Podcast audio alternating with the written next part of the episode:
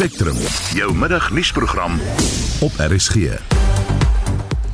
In vanmiddag se program die minister van elektrisiteit beplan om direk met kragstasiebesitters saam te werk om die kragkrisis op te los. I'll be almost transfixed on resolving the technical issues and almost free myself from the political space.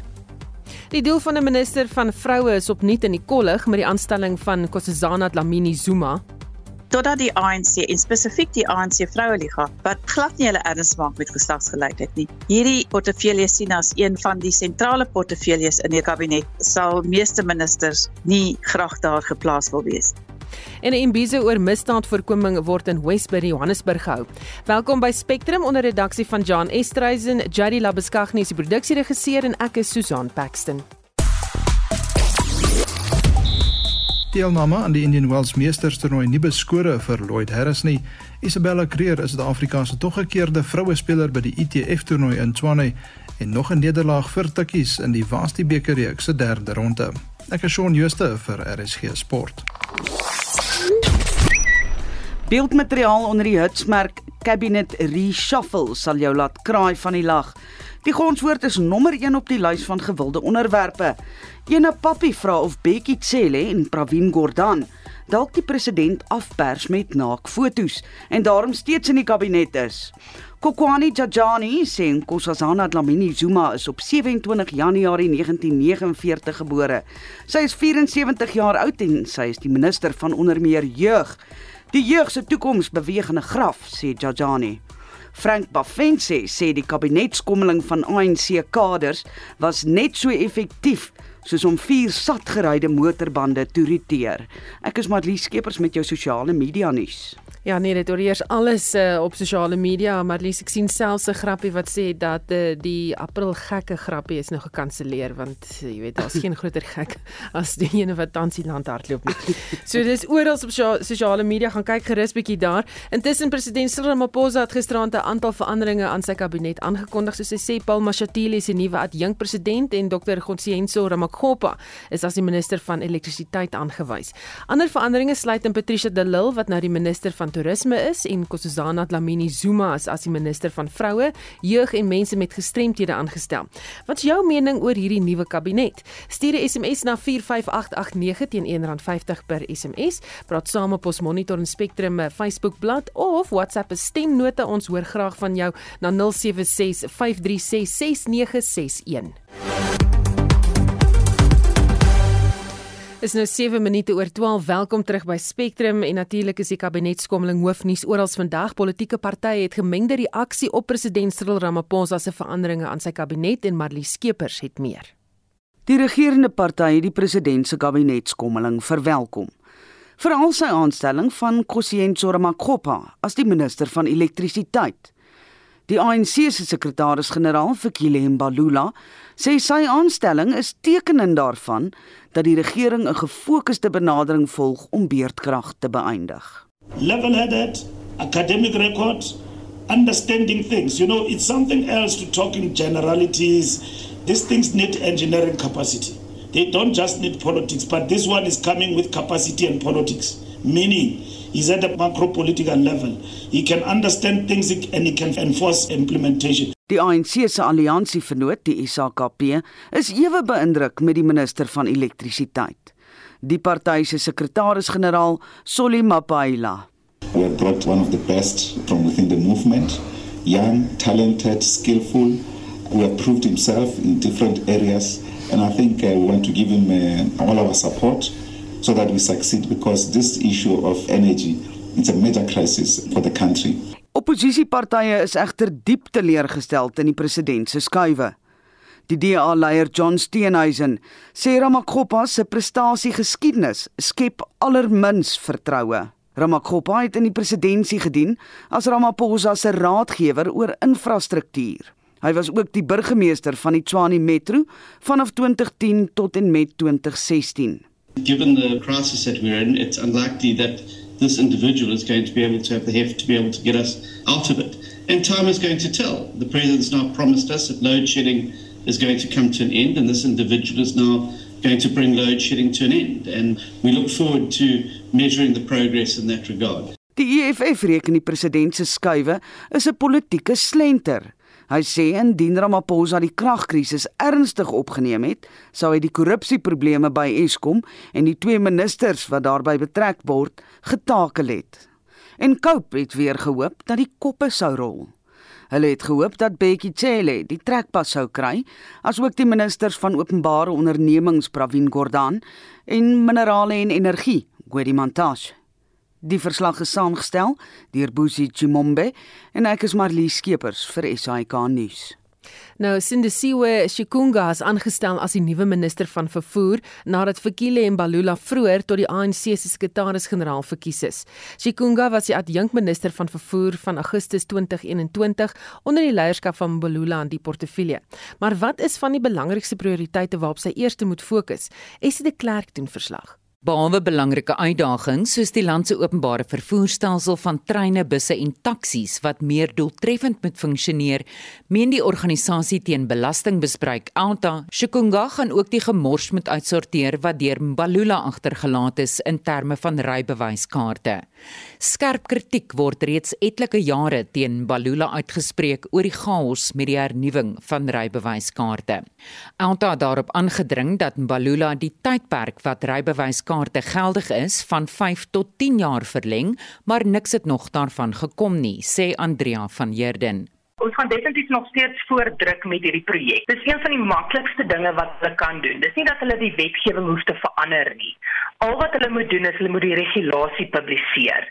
En volgens die minister, hy het 'n paar beweringe gemaak aan die einde van verlede jaar, die vorige voormalige minister Belula waar hy gesê dat hulle het instruksies gegee vir die RTMC en hulle het toe navorsing gaan doen. En hulle het bevind dat die beste manier vir Suid-Afrika om voor te druk is om dit te verleng na 8 jaar periode toe. Dis nou nog nie 10 jaar nie, maar 8 jaar is beter as niks nie. Seer sekerlik is daai navorsing wat hulle gedoen het nog steeds daar. Dis nie dat die nuwe minister nou weer van voor af die proses moet aanpak nie. Van Heerden sê daar is ook ander belangrike prioriteite waarop die nuwe minister moet fokus ons net praat oor RTIA as ons kyk die RTMC dit daar's baie entiteite wat val onder die minister van vervoer. En daai entiteite daar's soveel korrupsie wat ondersoek moet word. En ons het al al hierdie goeters probeer uitlig vir minister Mbalula sowel ook. Ons wil maar sien sy regtig nou tekkie aan die teer gaan sit om hierdie probleme op te los en of dit wel net 'n politieke aanstelling was. Dit was Andrea van Heerden van Alta Ek is Estie de Klerk vir SAK nuus. Nkosazana Dlamini Zuma gaan voortaan bekend staan as die minister in die presidentskap verantwoordelik vir vroue, jeug en persone met gestremthede.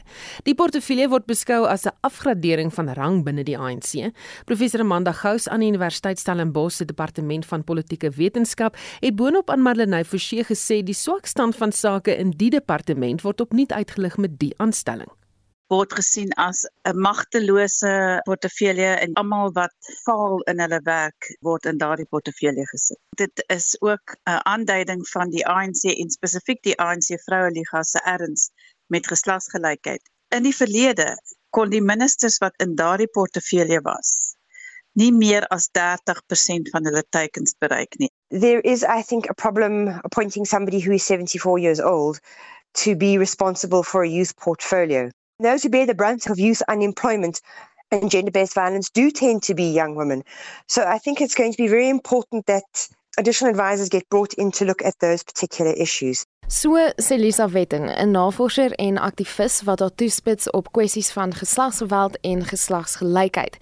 Maar hoekom is Dlamini Zuma in die pos aangestel? Hy kon haar nie laat gaan nie want sy is die direkte verhouding met Jacob Zuma. Hy het daar in die presidentskap gesit om 'n oog oor haar te hou. Ek dink dit is die hele ding van keep your enemies close. She does have a solid track record as an administrator as the AU. So she may bring that kind of planning to the department. But she's not somebody who comes with an inspiring history of intervention, activism, and involvement in women's struggles. Sy is 'n bekwame minister maar sy het baie meer mag gehad in korporatiewe regering en tradisionele sake as wat sy nou gaan hê I'll add one thing about my concern about Nkosazana Dlamini Zuma. She's not known for having a strong consultative way of engaging with people outside of government. The ministry is something that requires somebody who is very consultative, who is willing to listen to criticism. One is not necessarily sure she is that person, but, you know, she isn't worse than the previous incumbent was, so Mens kan nie help om te wonder wie uit die huidige pool kandidaate hulle eerder in die posisie sou wou sien nie. To be honest, nobody in the ANC comes to mind. If you just look at their statements, their plans, their election manifestos, there isn't one single good idea in there. There is nothing fresh, there is nothing original. If you look at the state of police investigations, funding to services, good interventions and plans, they're just not there. Ek sou dink as jy 'n ervare minister soos Naledi Pandor daar sit wat 'n trek rekord het met taakspanne wat al gekyk het na geslagsgelykheid. Ek was op een van haar taakspanne. Sy het die agtergrond, sy het die kennis en sy's 'n baie ervare minister. Maar as jy nou vir haar daar sit, sal sy dit ook sien as 'n afgradering. En wat ons eintlik nodig het, is 'n portefeulje met 'n ervare minister wat meer mag en meer tande het en totdat die ANC en spesifiek die ANC vroue liga wat glad nie hulle erns maak met geslagsgelykheid nie. Hierdie portefeulje sien as een van die sentrale portefeuljes in die kabinet sal meeste ministers nie graag daar geplaas wil wees. Helaas is Tlamini Zuma nou aangestel, so hoe moet sy ideaal gesproke die portefeulje benader? Sy moet begin met die implementering van die strategiese plan op geslagsgeweld en vir ons net dit baie duidelik maak, hoe word hierdie plan befonds? En hoe word dit uitgerol? En dan moet sy vir ons bewys watter suksesverhale is daar nou intussen want ons het in 2018 die konsultasies met die provinsies gehad en hier is ons in 2023. So wat het tussen 2018 en 2023 gebeur? Daar word baie in die provinsies gedoen. Maar as ons nie daarvan bewus is nie en die geweld bly hoog en vrouens en kinders word nog steeds vermoor, dan weet jy nie wat die impak van die plan is nie. Dit was 'n professor in politieke wetenskap aan die Universiteit Stellenbosch, Amanda Gous. Marlene Forsie, SAK nuus. Ons bly by die tema. Suid-Afrika se nuwe minister van elektrisiteit, Dr. Gotsiyenso Ramakgopa, het sy prioriteite uiteengesit om die land se kragkrisis aan te pak. Ramakgopa sal saam met Eskom en ander belanghebbendes werk aan die dringende implementering van die energie-aksieplan. Estie de Klerk berig. Ramagopa was die burgemeester van die Tshwane Metro tussen 2010 en 2016, maar het meer onlangs omgesien na belange in die presidentskap wat te doen gehad het met infrastruktuurbeleggings. Hy sê egter hy is nou gereed vir die amp van minister van elektrisiteit. It's a daunting task. I think it appears impossible, but I think for me, anything that is technically complex, I have a greater appetite for that. We have been working on uh, interventions around electricity solutions uh, in the country in my previous uh, capacity. So I'm not introducing any new plan. What I'm doing is to formulate an implementation strategy. We shot of about 10,000 megawatts. So my responsibility is to engage with ESCOM on the generation side to see where can we get the additional megawatts. Hy sê hy gaan direk met kragstansiebestuurders saamwerk. I'll be almost transfixed on resolving the technical issues and almost free myself from the political space. Go to each and every plant and ask the questions of the plant managers. What is the assistance that you require for you to improve the efficiency or performance of your plant? And what about the procurement dispensation that is a problem? We go into that. And if it requires additional powers, then we'll present to the president and say, if we have the following powers, then I should be able to resolve this problem at this plant Hy het die belangrikheid van alternatiewe energiebronne benadruk weens die land se probleme met voortsleepende beurtkrag. It's important that we have a conversation with alternative energy producers in the country. On the demand side, the intention is to reduce energy demand without undermining households' ability to meet their daily needs, without undermining business to maximize their own profits. So it's important that we exploit opportunities around PV, rooftop solar, battery storage, and also inverters. Dit was die minister van elektrisiteit, Dr. Gosienso Ramagopa. Ek is Estie de Klerk vir SAK nuus. Ons praat nou ook verder oor die kabinetskommeling met die politieke joernalis en skrywer Jan Jan Jubber. Goeiemôre Jan Jan. Goeiemiddag Susan, middag aan die luisteraars. Jy het nou pas gehoor wat die nuwe minister van elektrisiteit gesê het. Wat dink jy van sy planne? Ja, sien is glo nê. Um jy weet woorde wek maar voorbeelde trek en um daar's nie veel voorbeelde in sy loopbaan te vind van groot suksese nie. Ek weet nie waar kom Solly Mapahila en Fikile Mbalula aan hierdie hoë lofprysinge van Spoetla Godsetso uh, uh, Ramakgopa nie. Hy was burgemeester van Tshwane waar hy die stad in die grond investeer het en hy was um trouens in die moeilikheid gewees juis oor elektrisiteitsmeters en 'n skandaal daar rondom. Nou sy die minister van elektrisiteit. Ander lande word mense afgedank daarvoor en ons land word hulle blykbaar daarvoor um vergoed. En dan die ander ding is as hy in beheer was van infrastruktuur by die presidentskap, dan weet ek nie presies wat hy gedoen het nie, want die infrastruktuur onder meneer Ramaphosa gaan nie vooruit nie. So mense wens hom alles van die beste toe en hy klink na 'n aangename knaap, maar um, hy sal sy werk moet doen en solank as wat daar nie 'n besef is dat daar straf moet wees vir mense by daai kragstasies wat nie hulle werk doen nie, gaan daar niks goeds uitkom nie. Enigeen van ons wat mense ken wat met daardie situasies werk, werk weet daar's slegtigheid daar. En daar's geen sprake daarvan dat hy daarvan bewus is nie. Dit is net ons sal hulle meer magte gee ons wil self meer magte hê. Daar moet strenger opgetree word dis die punt. Jou indrukke oor die algemeen oor die president en die aankondiging oor sy kabinet gisteraand Wel kyk, um eerstens het hy hom nou nie die gelukkigste mens uit van die Sahara gelyk nie. So ek dink nie um dit het goed gegaan met die onderhandelinge nie en dis sy eie skuld. Die prerogatief van die kabinet uh aanstel is 100% die persoonlike prerogatief van die president, so sê die grondwet.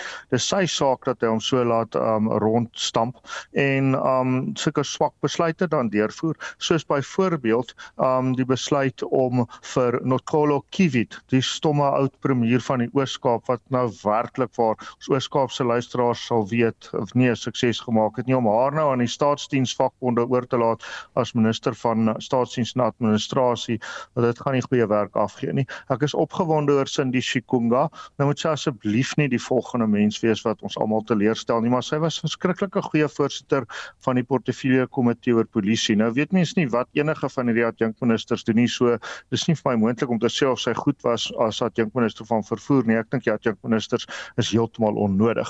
Ek is opgewonde oor Patricia de Lille as minister van toerisme.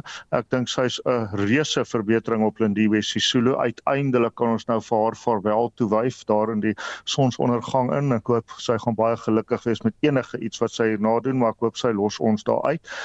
Die openbare werke portefeulje kon nie by Patricia de Lille bly nie want sy het 'n bietjie van 'n gemors daarvan gemaak veral met daai bytbrug Rensstraat. So nou word uh, Sihle Zikalala wat 'n redelike premier van KwaZulu-Natal was oor die algemeen. Ek sê nie altyd nie, maar redelik. Hy word nou op openbare werke en infrastruktuur losgelaat. Um dan is daar die ander Ramagopa mevrou Marupeli Ramagopa die een wat dink sekretaris-generaal van die ANC wat nou ook 'n minister in die presidentskap word en dan um is dit um Gungubeli, Mondli Gungubeli en um Nchabeni wat omruil. So Gungubeli word nou minister van van kommunikasie. Ek is bly want Nchabeni het nie die mas opgekom nie. Gungubeli ken ek redelik goed en hy hy kan nogal die ding doen.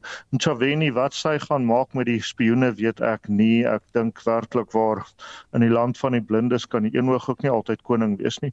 Dan Kosse Zanat Lamini Zuma is goed vir ons uiteengesit deur Amanda Gous. Uh, professor Gous het dit reg. Sy is die kanaal na Jacob Zuma toe en dis die enigste manier waarop ons kan sien dat daar enige sin in is dat sy aangestel is.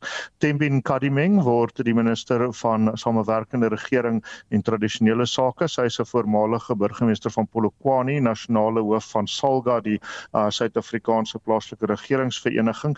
Sy was nie 'n goeie burgemeester van Polokwane nie en sy was 'n swak voorsitter van Salga, so ek het nie veel hoop daar nie. En Zizi Kotwa word daarom weggeskuif van die spioene af, dankie tog gegee die bevindinge van die Zondo-kommissie en hy word nou in sport en kuns en kultuur ontplooi. Ek dink dis nie 'n slegte skuif nie. Hy's nie so rassisties soos van sy voorgangers kinders nie en ons is ook uiteindelik van natie vlagpaal groot vlag um Tetwa ontslaa. Wat die um adjunkministers betref net een opmerking en dit is die voormalige Noord-Kaapse premier mevrou Dipuo Peters, die het nou 'n onwaarskynlike en jammerlike terugkeer gemaak na die portefeulje adjunkminister van kleinsaakontwikkeling. Die bevindinge teen haar toe sy minister van vervoer was deur die Zondo-kommissie behoort enige een wat sien dat sy aangestel is tot groot kommer te stem. Die Zondo-kommissie het basies bevind dat sy glad nie um, meer daai tipe posisies moet beklee nie. So waar die president aankom, dit weet ek nie. Hm. Die DA het gesê hy voel dat die president uit opsies gehardloop het as hulle kyk na hierdie skuwe. Wat dink jy? Seker lekker vir die DA om vir 'n slag oor iemand anders se probleme te praat, ja. Um nee, dit dit lyk so. Kyk, presidente kan nooit werklik uit opsies uithardloop nie. Binne die ANC het hy dalk nie veel opsies nie, maar die grondwet laat toe soos wat hy met Dr. Magoppa nou gemaak het, um dat um Dr. Magoppa is van buite die parlement aangestel. So met ander woorde, daar's twee mense wat van buite die parlement aangestel kan word en ek dink baie van ons het gehoop, hoewel nie gedink dit gaan gebeur nie, maar gehoop dat die president nou vir 'n slag 'n bietjie wakker word en um iemand wat iets weet van elektrisiteit aanstel, spesifiek elektrisiteit elektrisiteit. Um nie die volgende administrateur nie. Ek dink daar's 'n onbegrip by die ANC oor wat projekbestuur behels. Met ander woorde, dat jy aangestel word om 'n spesifieke werk te doen teen 'n spesifieke tyd op 'n spesifieke manier binne spesifieke reëls. Dit help nie net die volgende mens deur te stuur en deur te stuur wat niks weet van van die onderwerp af nie. Ja, Dr. Omgoppa is blykbaar in die ingenieurswese gekwalifiseer, maar hy het nie veel ingenieurswerk gedoen nie. Hy is bloedjonk, hy was deeltyd politikus gewees. So ek sou reken Jan Jan? Nee, kyk vir my. Daar daar's jy. Jy het nie vir daai laaste stukkie gehou herhaal nie. Jy was so effe weg. Ja. Sekerlik. Um die um die punt daar was dat um dit was 'n goeie geleentheid vir die president om iemand in te bring van buite die parlement en 'n kenner werklik van die elektrisiteit en hy het gekies om dit nie te doen nie en dit is vir my teleurstellend. Wat dink jy het alles agter die skerms gebeur veral nadat die inligting oor Palapala in die inkomste diens bekend geword het? Wel, dis waar dit interessant raak want um ons weet dat um soos wat die EFF um gesê het, hulle sê dit openlik dat daar twee ministers geïmpliseer word in die um skandale rondom Eskom. Um daardie twee ministers uh weet ek nie wie dit is nie. Ek weet jou kollega Anita Visser weet wie dit is van sy Sondag aand so gesê op kommentaar, maar ek weet nou nie wie dit is nie. Ons het gesien uh, meneer David Mabuza het redelik vinnig in die agtergrond verdwyn. Dit laat 'n paar wenkbroue lig en dis waar Paul Mashatile belangrik is waar sowel Palapala as Eskom inkom. Paul Mashatile gaan heel moontlik as adjunkpresident moet intree as president Ramaphosa moet op sy staan. Dis duidelik dat die Palapala goed um is iets wat vir Ramaphosa pla. Ons weet hy wou bedank daaroor. Hy's maar net omgepraat deur van sy binnekring om dit nie te doen nie. 'n Politikus bedank nie vir spek en bone nie. Um hy weet wat daar gebeur het en hy's besig om nie oop kaarte met ons te speel nie. Um daar was al baie keer in die geskiedenis filosowe wat daaroor gepraat het dat die waarheid wat jy wegsteek is altyd 'n waarheid waarvoor jy skaam is. Immanuel Kant het in daai rigting gegaan. En dan is daar ook die ou Afrikaanse spreekwoord wat sê al loop die leuen ook hoe snel die waarheid agterhaal hom wel. As dit gebeur, dan sal meneer um Mashatile in die presidentskap moet ingaan en ek is net so bly dis nie meneer Mabuza nie. Kyk, daar is nou 'n verbetering. Absoluut definitief dat Paul Mashatile in die plek van David Mabuza is, kan ons ons sterre voordank. Baie dankie, dit was die politieke joernalis en skrywer Jan Jan Jubber. Die landbouorganisasie AgriSA sê hy gaan alles in die stryd werp om grondonteiening teen te staan. Die organisasie het sy kommentaar oor die wetsontwerp aan die Nasionale Raad van Provinsies oorhandig waar dit nou oorweeg word vir goedkeuring. In sy kommentaar sê AgriSA dat die wetgewing katastrofiese of katastrofiese gevolge inhou vir die landbousektor en voedselsekerheid. En vir meer hieroor praat ons nou met die voorsteur van AgriSA se sentrum van uitnemendheid vir grondkwessies, Willem de Chavon Vrucht. Goeiemôre Willem. Goeiemiddag Susan, goeiemiddag aan die luisteraars. Julle meen die goedkeuring van die wetsontwerp kan 'n voedselsekerheid erg benadeel. Hoekom? Ons landbou is 'n langtermynbelegging en mense het nodig om oor 'n langtermyn um in jou grond te belê en jou kudde te belê en as al bome geplant word byvoorbeeld is dit 7, 8 jaar voordat daar gestroop word. So daar's sekerheid nodig uh om daai belegging te kan te kan maak. En wanneer daar so beleidsonsekerheid is of wanneer mens nie seker is van jou eiendomsreg nie, dan is dit toenemend moeilik om daai om daai belegging te maak. Nou soos wat ons weet, groei ons bevolking en uh wil ons as landbouers graag genoeg bekostigbare en gesonde kos maak vir die land. Um, maar as daai beleggings nie gebeur nie, dan gaan dit toenemend raak dat daar nie genoeg kos is nie. Hm. En AgriSA is ook van mening dat die wetsontwerp teenstrydig met sy doel nie gaan help om transformasie aan te moedig nie. Ja, so vir vir nuwe toetreders spesifiek wat uh, toegang tot kapitaal nodig het en wat daai kollaterale waarde van die grond nodig het om belegging in die uh, te kry en finansiering te kry, uh, gaan dit toenemend moeilik wees as daar hierdie onsekerheid oor eiendomsreg is om daai nodige produksiekapitaal en beleggingskapitaal te kan te kan kry. En dit is ook so uitgewys uh, in 'n studie, 'n onafhanklike studie wat ons laat doen het wat die uh, negatiewe effek effek op kapitaalvorming wys indien die wetgewing deurgaan in sy huidige vorm. Hulle sê ook dat dit nie net teenstrydig is met die grondwet van Suid-Afrika nie, maar ook ander lande se. Ja, so mense kan kyk in ander lande waar daar so um, 'n aanslag was op eiendomsreg en waar eiendomsregte afgewater is, uh nie net die ekonomiese groei wat afgeplat en negatief was in die landbousektor nie, maar nie in die ekonomie as geheel. So daar's twee faktore wat nadelig is vir of twee groot faktore wat nadelig is vir ekonomiese groei. Uh die een is eiendomssekerheid en die ander een is korrupsie. Nou daar word baie gepraat in ons land oor oor korrupsie en wat se pogings daar is om dit aan te spreek maar ehm um, die regering het hierso die geleentheid om eiendomsregte versterk en te bou op eiendomsreg in plaas van om dit om dit verder af te water en en te verseker dat ons dan nou ehm um, ekonomiese groei in ons land kan sien. Laat daar ook werkskeping is want eh uh, voedselsekerheid gaan nie net oor genoegsame kos nie en bekostigbaar en gesonde kos nie, maar dit gaan ook of mense geld in hulle sak het om daai kos te kan koop. Hm. En dan laastens, wat is julle aksieplan hier? Ja, so ons gebruik al die geleenthede wat ons het, uh soos die byvoorbeeld die publieke deelname proses waar ons nou uh ons bekommernisse vir die komitee verduidelik het op skrif. Ons het ook gevra as daar geleentheid is, uh laat ons um, met die komitee kan praat en 'n voorlegging aan hulle kan doen. Ons bekommernisse en voorstelle hoe die wet verander kan word uh wat wel eienoomsreg beskerm. Uh die voorstelle wat ons graag daarvoor wil maak. En dan is ons besig met 'n uh, publieke bewusmakingsveld tog soos wat ons nou die geleentheid kry om met julle te gesels en almal wat wat inluister om die gevare uit te, uit te wys. Ehm um, nou nadat dit deur die Raad van Provinsies gaan ehm um, um, word dit aan die kabinet verwys en daarna kry die president die geleentheid om die, om die wet te teken. Nou ons het al met die onteieningswet 'n paar keer gesien dat dit dan op stadiums terugverwys word ehm uh, met bekommernisse wat daar in die wet is.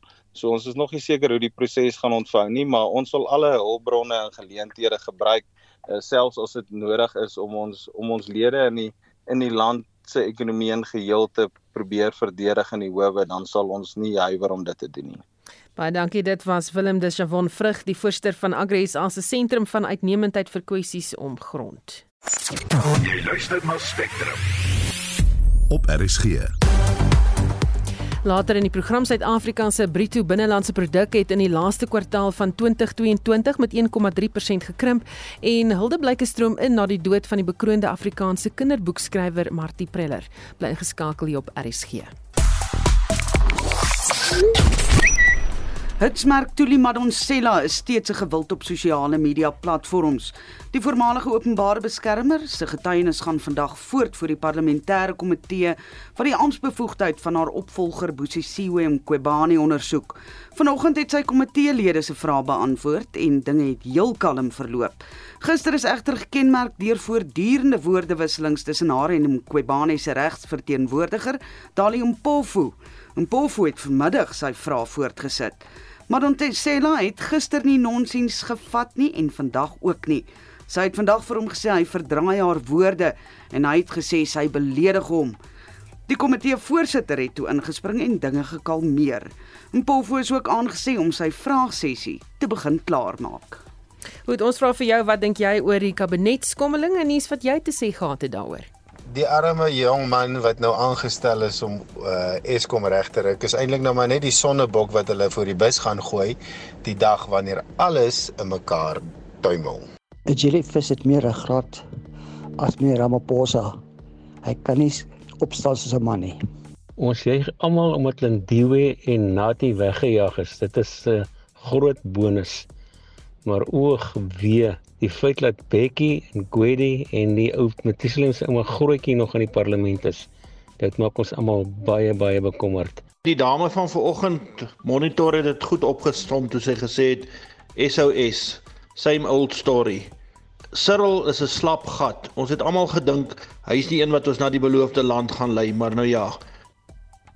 En dis natuurlik eh, jou mening wat jy vir ons stuur. Jy kan steeds saamgesels na eh, op en stuur 'n SMS na 45889 of praat saam op Monitor en Spectrum se Facebook bladsy of stuur 'n WhatsApp stemnota na 0765366961.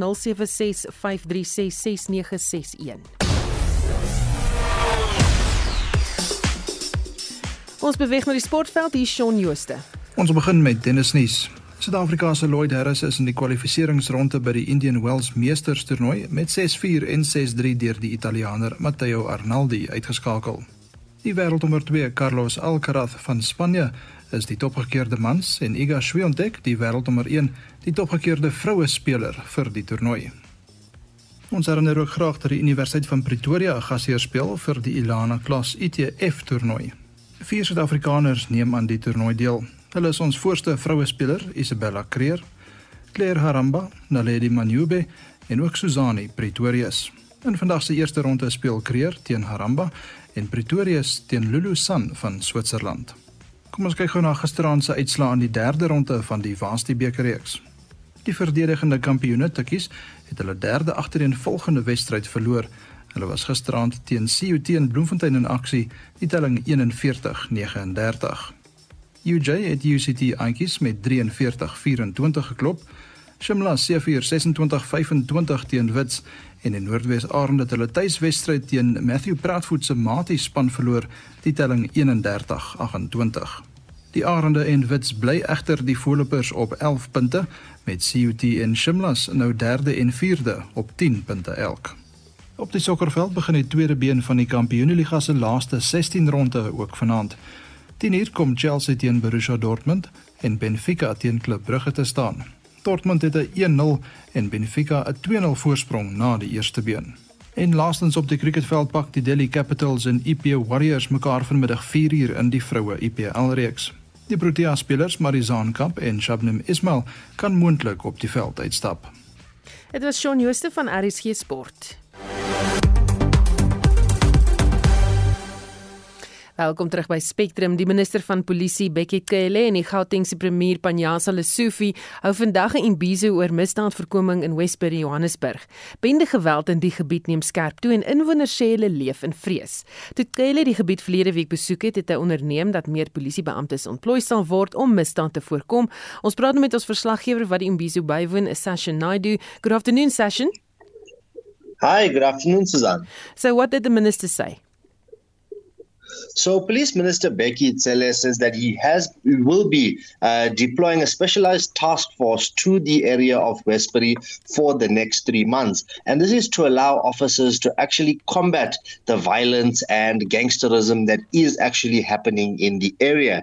He says that these officers will be patrolling the area on a 24-hour basis to ensure that uh, the violence and criminality is brought to an end in the community. He says that uh, these officers will do everything everything in their power to ensure that residents of the community feel safe once again and that violence isn't a daily occurrence. And what did the Premier say? The Premier is still yet to speak. The Imbizo is still currently uh, underway at the West Westbury Recreation Facility, where we are hearing, you know, uh, the grievances of the community members as well as their sentiments uh, uh about the crime in the area. So they are basically saying that they are fed up of the crime in the area and they want police to actually do more to stop the violence and stop the killings that they are witnessing on a daily basis. They say that in 2018, the police minister visited the area and made the exact same promises that he is making today, where he will deploy officers to the area and get rid of crime. However, they say that this isn't enough because they feel that once this deployment is over, the criminality and gang violence will continue once again. So hopefully, after all the community members have their fair chance to speak, the Premier as well as the police minister will be able to respond uh, to their grievances once again. Baie dankie ons gepraat met ons verslaggewer Sashin Naidu. Soos jy vroeër in die nuus gehoor het, sê Statistiek Suid-Afrika die bruto binnelandse produk het in die 4de kwartaal verlede jaar op 'n kwartaalgrondslag met 1,3% ingekrimp teenoor hersiene ekonomiese groei van 1,8% in die 3de kwartaal. Die BBP het in 2022 as geheel met 2% gegroei. In 5 uit die 10 vervaardigingssektore het ook 'n negatiewe groeipatroon getoon in hierdie kwartaal. Ons praat met 'n ekonoom van die Noordwes Universiteit, professor Waldo Kriel. Goeiemôre Waldo. Goeiemôre Susan. Kom ons kyk gou na hierdie jongste statistiek hoe het sake gestaan. Su Susan, die inkrimping is baie groter as verwag. Uh, Bloomberg konsensus was vir 'n 0,4% inkrimping. So ek dink dis nogal so groot hè. Uh, en uh, die dis maar die gevolg van beerdkrag. Daar was 90 dae se beerdkrag in die 4de kwartaal wat dan maak dit daai veerkragtigheid van die 3de kwartaal eintlik maar uitgekanselleer word. Uh, daar's twee maniere om te kyk. Uh ekskuus sê maar. Hm, nee, gaan voor. Daar's twee maniere om te kyk. Uh ja, uh, mens kan van die sektore se kant af kyk. Uh finansiële en eiendoms en sakedienste was die groot een wat ingekrimp het. Handel, spesienering en verblyf en dan natuurlik mynbou, landbou en vervaardiging het ons geweet het swaar gekry met beerdkrag. Uh van die bestedingskant af, huishoudings het net net bietjie meer bestee. Hulle was so 0,9% groei. Die owerheidsbesteding het ingekrimp in die 4de kwartaal uh, investering was bietjie op wat dan heel positief is, maar dit was hoofsaaklik in vervoer toerusting en masjinerie en dan uitvoer het het ingekrimp met 4,8% in die in die laaste kwartaal wat baie was. Hm. Watter eksterne faktore het 'n groot impak gehad op die data, miskien nog die oorlog in Oekraïne of so? Uh, eksterne faktore is maar die stand van die wêreldekonomie. Veral in die 4de kwartaal nog uh, was almal bekommerd oor 'n resessie in Europa. Die Chinese het nog nie uh, oopgemaak soos wat hulle intussen gedoen het nie. Dit gaan ook nie baie goed. Dit het nie baie goed gegaan in die FSA in terme van groei op daai stadium nie. Intussen het dinge gedraai. So ek dink daar's nou 'n positiewer prentjie en uh, ook hoop vir 'n bietjie beter uitvoer in die in die jaar wat voorlê gegee ons binnelandse uitdagings. Baie dankie. Dit was 'n ekonom van die Noordwes Universiteit, professor Waldo Kriel. Karwagte, bedelaars en straatverkopers moenie die verkeer reguleer tydens kragonderbrekings nie, sê die Outomobielassosiasie. Die AA sê dit gebeur al meer dat die onopgeleide mense die verkeer probeer reguleer en dit kan motoriste op die lang duur baie duur te staan kom. Die AA sê ook beter polisieering deur die owerheid behoort verkeersprobleme wat veroorsaak word deur beerdkrag op te los. Ons praat met die woordvoerder van die AA, Luiten Beerd. Goeiemôre, Luiten. Goeiemôre Susan, goed om jou en jou luisteraars te wees. Ek is seker baie mense het dit al gesien, onopgeleide mense wat die verkeer probeer reguleer. Wat is die implikasies daarvan as die goeie Samaritane probeer help en dinge gaan dan nou verkeerd? Dit is eintlik 'n is eintlik snaaks want dit het vanoggend met my gebeur dat ek het gesien het. Ehm um, daar was uh, daar was twee mense wat die verkeer probeer reguleer het en, en daar was verskeie motoriste wat net eenvoudig nie gehoor gegee het aan hulle aanwysings nie. Uh en het uh, en, en hulle het gery en mense van die ander kant het ook gery. Ehm um, en daar was uh, baie nou onkomings uh, tussen hierdie voertuie. Ehm um, een van die dae gaan daar 'n botsing plaasvind en dit kan dalk 'n ernstige botsing wees en die vraag dan is wie neem verantwoordelikheid vir daai botsing? En ek dink dit is die probleem wat ons het is dat hierdie is onopgeleide mense. Hulle probeer 'n baie goeie diens lewer. Ehm um, ek dink ons moet kudos gee daarvoor. Ehm um, maar aan die einde van die dag is dit nie hulle werk nie en ons is baie bekommerd dat daar 'n uh, uh, situasie gaan ontstaan waar daar ernstige gevolge gaan wees daarvoor. Hmm. Um, in ons kragkrisis, wat moet die owerhede eintlik doen hier? Wel die die grootste en mees belangrikste ding wat hulle onmiddellik moet doen is hulle moet die hoeveelheid uh, pad wetstoepassers in die land uh, vermeerder. Uh, ons het gister gesien uh, dat daar 250 addisionele verkeersbeamptes um, uh, in in die verkeer uh, ingestoot gaan word. Um, hulle pas gekwalifiseer, maar 250 is te min. Um, jy weet ons het 15 20000 meer pad uh, wetstoepassers nodig. So dit vir ons is baie belangrik dat die owerhede dit prioritiseer. Um, hulle moet eenvoudig meer mense op die strate kry wat opgelei is, wat wetstoepassers is, wat verkeersbeamptes is, wat die wet ken en wat die uniform dra en wat weet wat om te doen in daai situasies. En daai tipe uh, oplossing sal dan verhoed dat ons hierdie verkeersbeamptes sien um, wat bloot kaartjies uitskryf en nie op straathoeke staan of uh, intersection staan waar hulle nodig is nie want ons hoor gedurig ons het nie die mannekrag nie ons het nie die mense nie daar is nie genoeg van ons nie maar dan moet ons genoegsaam van daai verkeersbeamptes kry oplei en hulle in die veld instuur.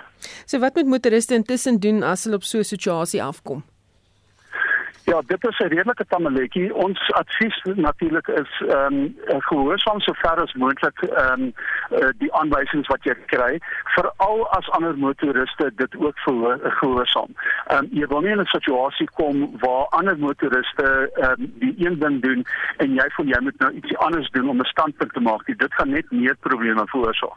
So vir tyd en wyl sê ons vir mense gehoorsaam wat jy kan, maar wees baie baie versigtig. Ehm um, jy weet ry stadig by uh uh by hierdie plekke in by hierdie intersections en veral op besige paaie kyk om jou maak seker jy is veilig as jy oorgaan en ander motoriste en en selfs mense uh, wat loop of op fietsry is ook veilig en dan kan jy deurgaan. Ehm um, dit maak nie sin om dit nie te doen nie want ander motoriste gaan dalk uh, uh in jou in bots en daar gaan dalk meer probleme ontstaan.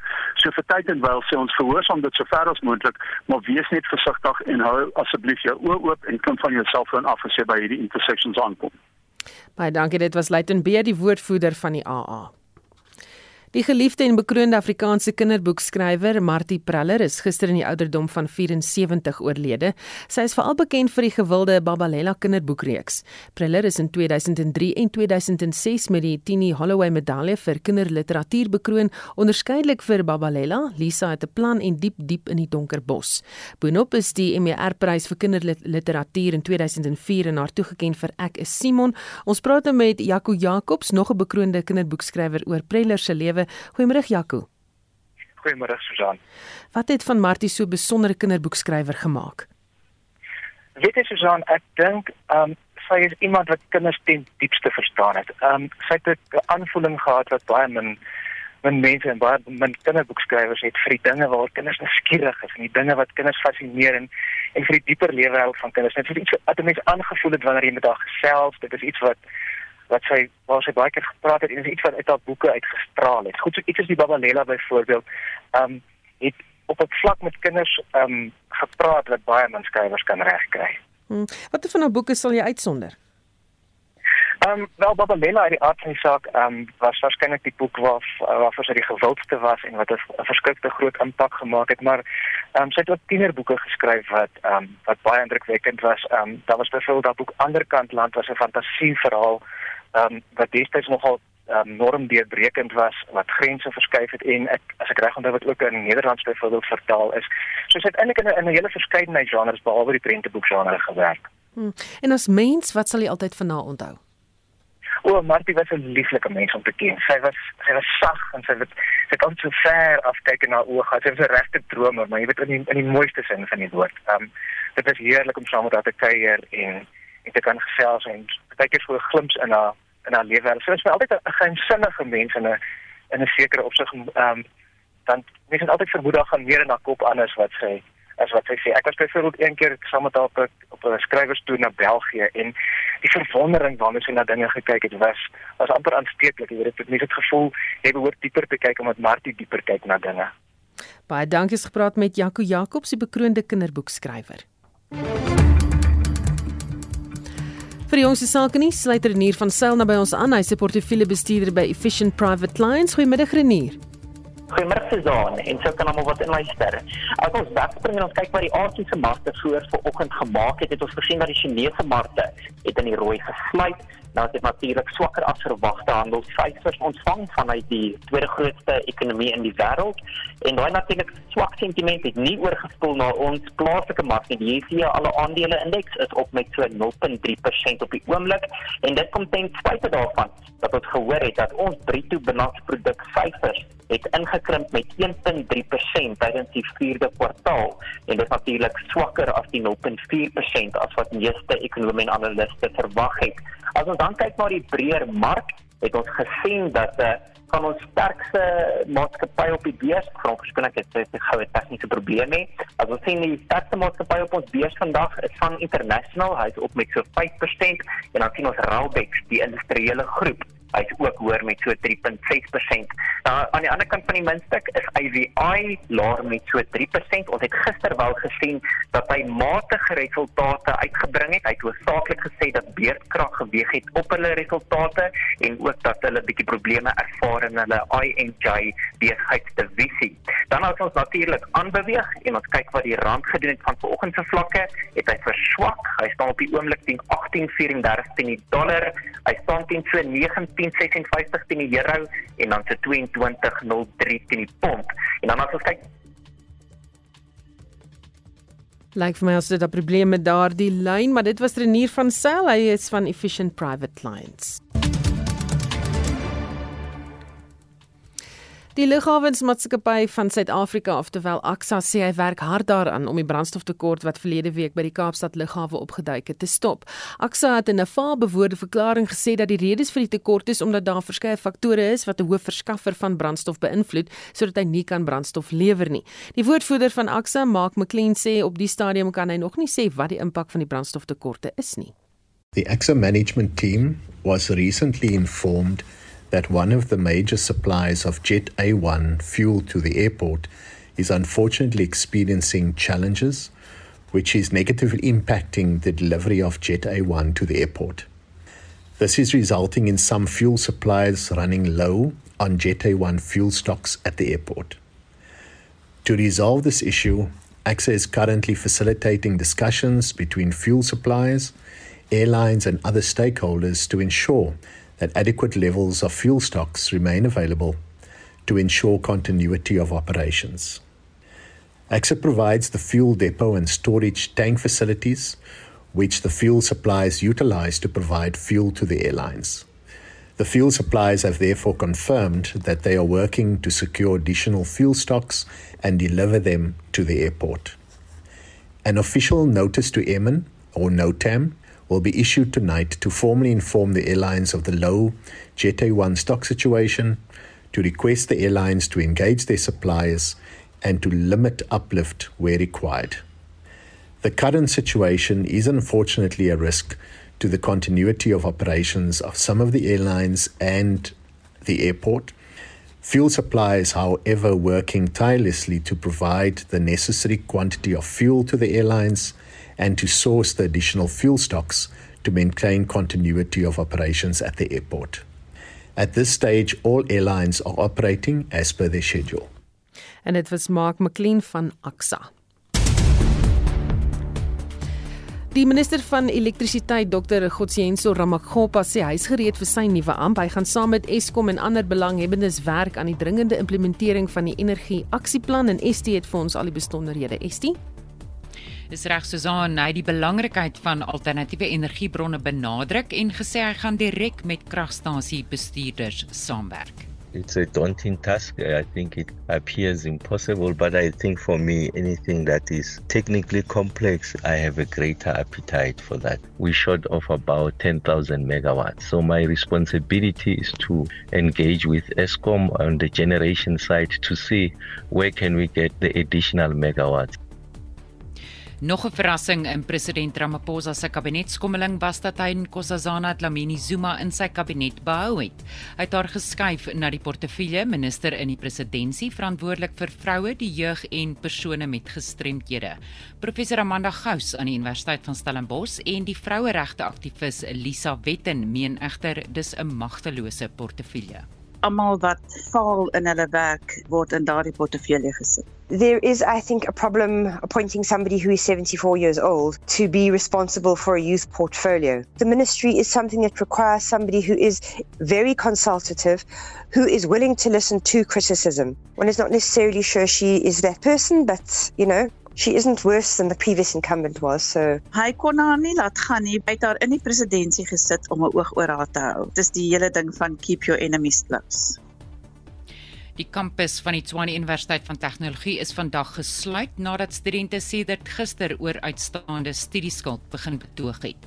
Studente eis dat indien hulle studieskuld van R150 000 of minder het, hulle steeds toegelaat moet word om te registreer. Die bestuur vergader vandag met studenteleiers, maar die president van die studenteraad, Kia Mogetswe Masike, sê hulle sal aanhou om akademiese aktiwiteite te ontwrig totdat die bestuur aan hulle eise voldoen. We've tried to negotiate with the university on behalf of these students, but the finance department still insisted that they must pay 20% upfront out of the outstanding balance. And these are some of the issues that are then pending inside the institution. And yeah, students have been going to class hungry, and others have been evicted from residences because of their pending statuses from NSFAS. En nou na nuus in Westbury, Johannesburg, waar die minister van Polisie Bekkie Cele en die Gautengse premier Panyaza Lesufi vanoggend 'n misdaadvoorkomings imbizo gehou het. Benne geweld in die gebied het skerp toegeneem. 'n Teengeweldaktivis, Derlin James, sê egter Cele se besoek aan Westbury beteken niks. The minister has been in that area. It's not the first time. There's no need for him to listen to the community. If anything, the minister should be going there this morning with a tangible plan to make an impact in that community. The fact that so many lives have been lost, the evidence is in the mortuaries, the evidence is with the police station. Let him just have a look at the stats at that police station and let him ask the people that are there, you know, what has been happening. Listening to the community year in and year out is just another excuse not to fulfill fulfill their mandate. En onthou ook om in te skakel vir 'n opsomming van die dag se nuus op Brandpunt vanmiddag om kwart voor 6. En dit was Estie met 'n oorsig van die nuus en ontwikkelende stories. Ons praat vandag oor die kabinetskommeling. Kom ons hoor gou wat jy te sê het. Wat kan 'n mens doen aan elektrisiteit en minister? As 200 ministers en met die president nie goed geskryf het, en wat gaan een man kan doen? Hy sê dit mos nooit in die ewigheid reken nie. Hulle gooi mos nou nie die water die haie in nie. Die walvisse en die visse het hom opvreet daar in die water. Ek sê ook is SOS uh, selle ou sirkus. Probleem is die mense besef nie dat die regering van die ANC nie bereid is om saam Suid-Afrikaners te werk nie. Elke ou maak sy sak vol en sy bankrekening vol sodat as die poppot dan die fan stryk, gaan hulle gerieflik kan lewe op die gesteelde geld en wat gebeure is en wat weggesteek is. En uh dis die volgende huise probleme. Geen persoon gaan Eskom se kragsituasie kan uitsorteer nie. Ramaphosa is spineless en die hele spul van die ANC het hom aan die short and curlies beet en hy voel vere vir ons wat belasting betaal. Ek hoor wat al die mense sê en die kritiek en goed omtrent die kabinet en die mense wat aangestel is en selfs teen ons president. Kom ons spreek lewe en nie net veroordelings en vloeke teenoor mense spreek en hoe sleg mense is en dit en dat nie. Kom ons bid vir ons land. Nou ja, baie dankie vir daai terugvoer en dat jy saamgesels het vandag. Ons waardeer dit. Dit is altyd lekker om te hoor van die luisteraars af. Onthou vorige uitsendings van al ons nuusaktualiteitsprogramme as is as 'n potgooi op rsg.co.za beskikbaar. Gaan kyk net daar. En uh, ons groet namens ons uitvoerende regisseur Nicoline de Wet, die redakteur Jan Eystreys en die produksieregisseur is JD Labuskaghni. My naam is Susan Paxton. Bly geskakel vir 360 net hierna.